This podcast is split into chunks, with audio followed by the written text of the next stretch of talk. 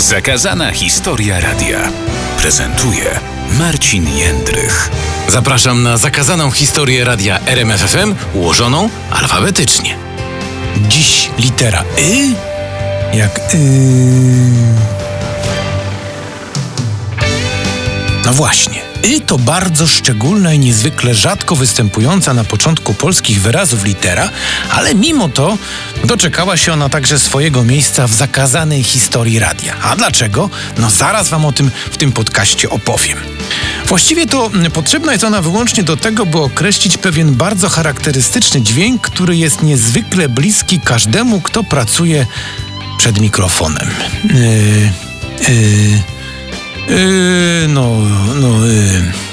Różnie można oceniać tego typu antenowe odgłosy. Czasem mogą one denerwować, czasem po prostu śmieszą, a zdarza się, że są wyjątkowo barwnym dodatkiem do wypowiedzi. I to jest y, oczywiście zestaw ocen, z którymi może się zgodzić albo i nie słuchacz będący po tak zwanej drugiej stronie odbiornika radiowego.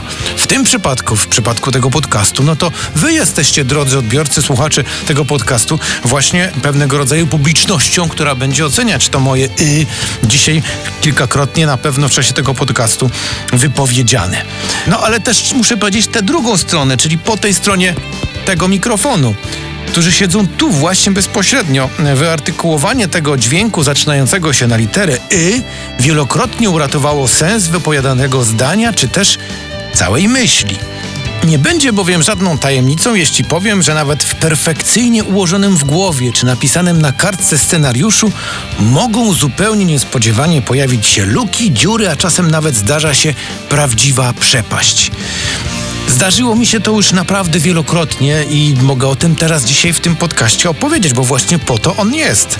Że czasami coś mówię na antenie, bo w większości przypadków mówię z, z głowy, i już widzę, że tam gdzieś na trzecim albo czwartym metrze mojej wypowiedzi jest absolutnie biała plama. Po prostu nie wiem tego, co mam powiedzieć. I albo kombinuję, jak mam do tego dojść, żeby tego nie powiedzieć, nie używając tego, co, czego mi akurat zabrakło, co czasami może być trudne, bo to może być na przykład sens albo istota tej wypowiedzi, albo właśnie dochodzę do tego miejsca i kombinuję z tym y jakoś tak, żeby mózg zmusić do tego, żeby wreszcie przypomniał sobie, co też miałem powiedzieć. To czasami naprawdę jest stresujące i czasami powoduje, że to y może być na antenie dość e, wyraźne i takie wręcz powiedziałbym rozpaczliwe, no bo po prostu nagle robi się dziura w głowie. Na szczęście nie jest to e, zjawisko częste. Być może gdyby było częste, to powinienem pójść e, do lekarza, ale póki co chyba na to się nie zanosi, bo przecież też wiadomo, że trzeba jakoś reagować w takich sytuacjach i emitować jakikolwiek dźwięk na antenie, bo przecież e, cisza fatalnie brzmi w eterze. Jakby była cisza, gdybym się zastanawiał, co mam powiedzieć, no to byłoby to co najmniej nieprofesjonalne albo też e, niepoważne.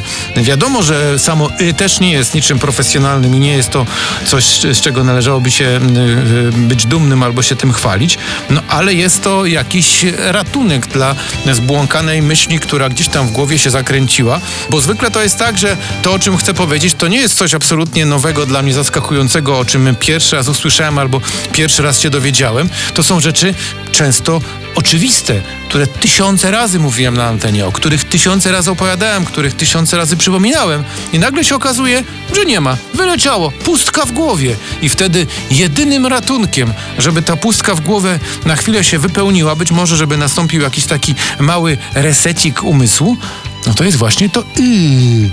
Powiem sobie, ono trwa może sekundę, może półtorej sekundy, na pewno nie dłużej. I na szczęście ten pomysł na to, co miałem powiedzieć, ta myśl po prostu powraca. No, sam wiele razy, tak jak mówiłem, doświadczyłem tych e, stanów umysłu, które zmuszały mnie do tego, żebym e, taki głos, e, który mówię na antenie, zawiesił albo wydobył z siebie ten pomocny dźwięk z tą literą y na początku. No i to jest też, co trzeba powiedzieć, że takie reakcje i to, co się dzieje z tą pustką w głowie, to są zwykle rzeczy niespodziewane i nieoczekiwane, co oznacza, że tego czasu na reakcję pozostaje niewiele bo mówimy o sytuacji, w której mam powiedzmy do przekazania jakąś myśl, która będzie trwała 25 sekund na antenie Ja wiem, że w 18 albo 19 sekundzie, w momencie, kiedy zaczynam to mówić, oczywiście takim jakimś dużym uproszczeniu, jest tam ta dziura, jest ta pustka.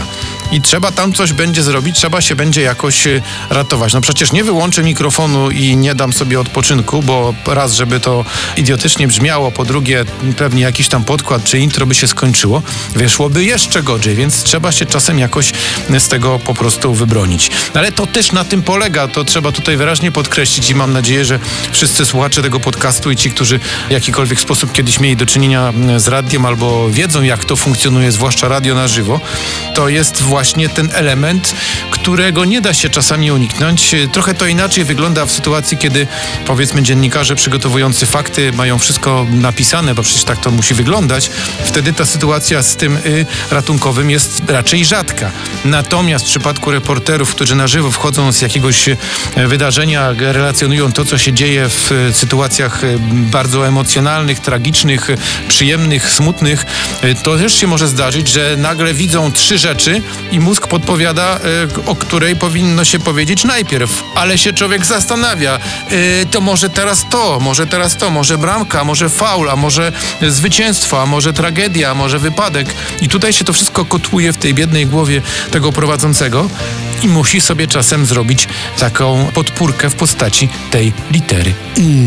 Ale mogę też dodać, że na szczęście ta niewdzięczna przypadłość związana z chwilowym opieraniem swych wypowiedzi na literze Y dotyka nie tylko radiowców. Można się z nią spotkać praktycznie codziennie, na przykład słuchając wypowiedzi znanych ludzi, przede wszystkim ze świata polityki. Tu można by rozkręcić długą bardzo historię na temat tych wszystkich przerywników, które w tych przypadkach, zwłaszcza wypowiedzi polityków, no mają też pewnego rodzaju zadanie takie, że albo chcą wziąć na przetrzymanie, albo muszą przypomnieć sobie tak zwany przekaz dnia, żeby wiedzieć, co powiedzieć, a nie zdradzić czegoś, czego nie powinni powiedzieć, i wtedy to y też odgrywa taką rolę. Czasem jest nawet nie wynikiem tego, że ktoś czegoś nie wie, tylko raczej wynikiem tego, że musi się na chwilę wstrzymać i dobrze skoncentrować, żeby czegoś nie palnąć, bo wiadomo, że jak coś dzisiaj się powie, to już potem pójdzie, zostanie nagrane, powtórzone i praktycznie koniec. Nie ma szans, żeby potem się z tego wykręcić. Drodzy Państwo, drodzy słuchacze podcastu Zakazanej Historii Radia, bardzo Was proszę, byście w tym miejscu, słysząc e, właśnie te historie o literze Y, postarali się czasem być po prostu wyrozumiali dla tych, którzy gdzieś tam na żywo w radiu pracują, kiedy im się zdarzy takie potknięcie, kiedy im się zdarzy właśnie taki moment, kiedy muszą się podeprzeć na tej literce Y, a ona do podpierania akurat nie jest taka zła, bo można się oprzeć nawet obiema rękami na tej literce, prawda? Bo ona tak trochę wygląda jak taka podpórka. Może to nie jest przypadkowe.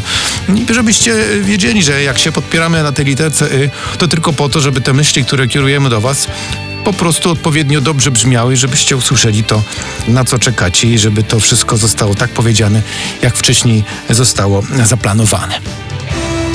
No i to tyle, jeśli chodzi o dzisiejsze spotkanie w e, zakazanej historii radia. Przed nami jeszcze jedna litera właśnie w tym cyklu. Litera Z. Czy domyślacie się, jakie hasło się pod nią kryje? Hmm, pomyślcie, pomyślcie. Już wkrótce odkryję tę ostatnią literę zakazanej historii radia, a na dziś dziękuję i do usłyszenia.